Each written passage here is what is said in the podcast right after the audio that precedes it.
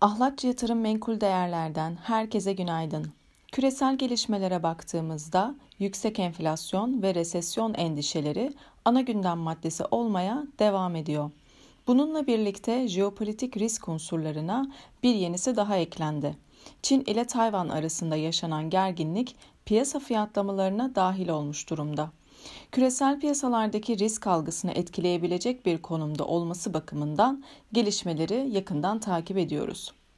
Amerika'da Cuma günü Temmuz ayına ilişkin tarım dışı istihdam verisi açıklandı. Tarım dışı istihdam 528 bin kişi artış gösterdi. Piyasa beklentisi artışın 250 bin kişi olması yönündeydi.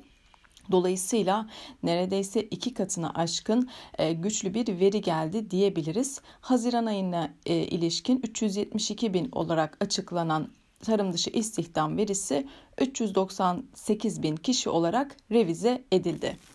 Verinin beklentilerden oldukça güçlü gelmesi Eylül ayında gerçekleştirilecek FED toplantısının önemini koruyor.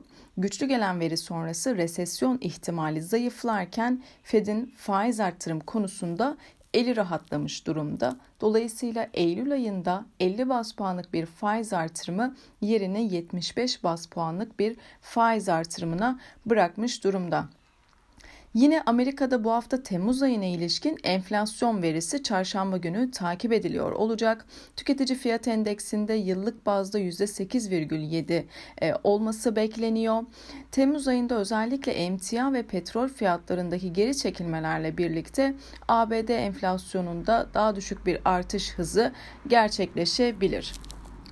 Asya piyasalarında çoğunlukla alıcılı seyir göze çarparken ABD vadeleri de bu sabah pozitif, küresel piyasalarda risk iştahı artıda diyebiliriz.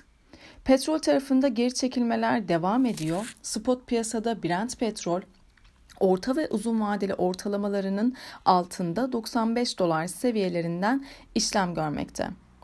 Amerika'da cuma günü güçlü gelen tarım dışı istihdam verisi sonrasında ons altında da bir geri çekilme gördük. Son zamanlarda ons altın tarafında yükselişlerin e, en önemli nedeni artan resesyon endişeleriydi. Dolayısıyla resesyon ihtimalinin azalmasıyla birlikte ons altında da 50 ve 100 günlük üstel hareketli ortalamalarının altında 1774 dolar seviyeleri fiyatlanıyor diyebiliriz.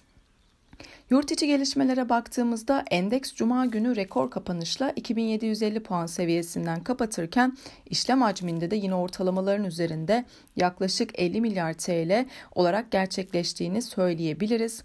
Bugün için yukarıda 2780 ve 2800 seviyeleri direnç konumundayken aşağıda 2700 ve 2650 seviyeleri de destek olarak takip edilebilir.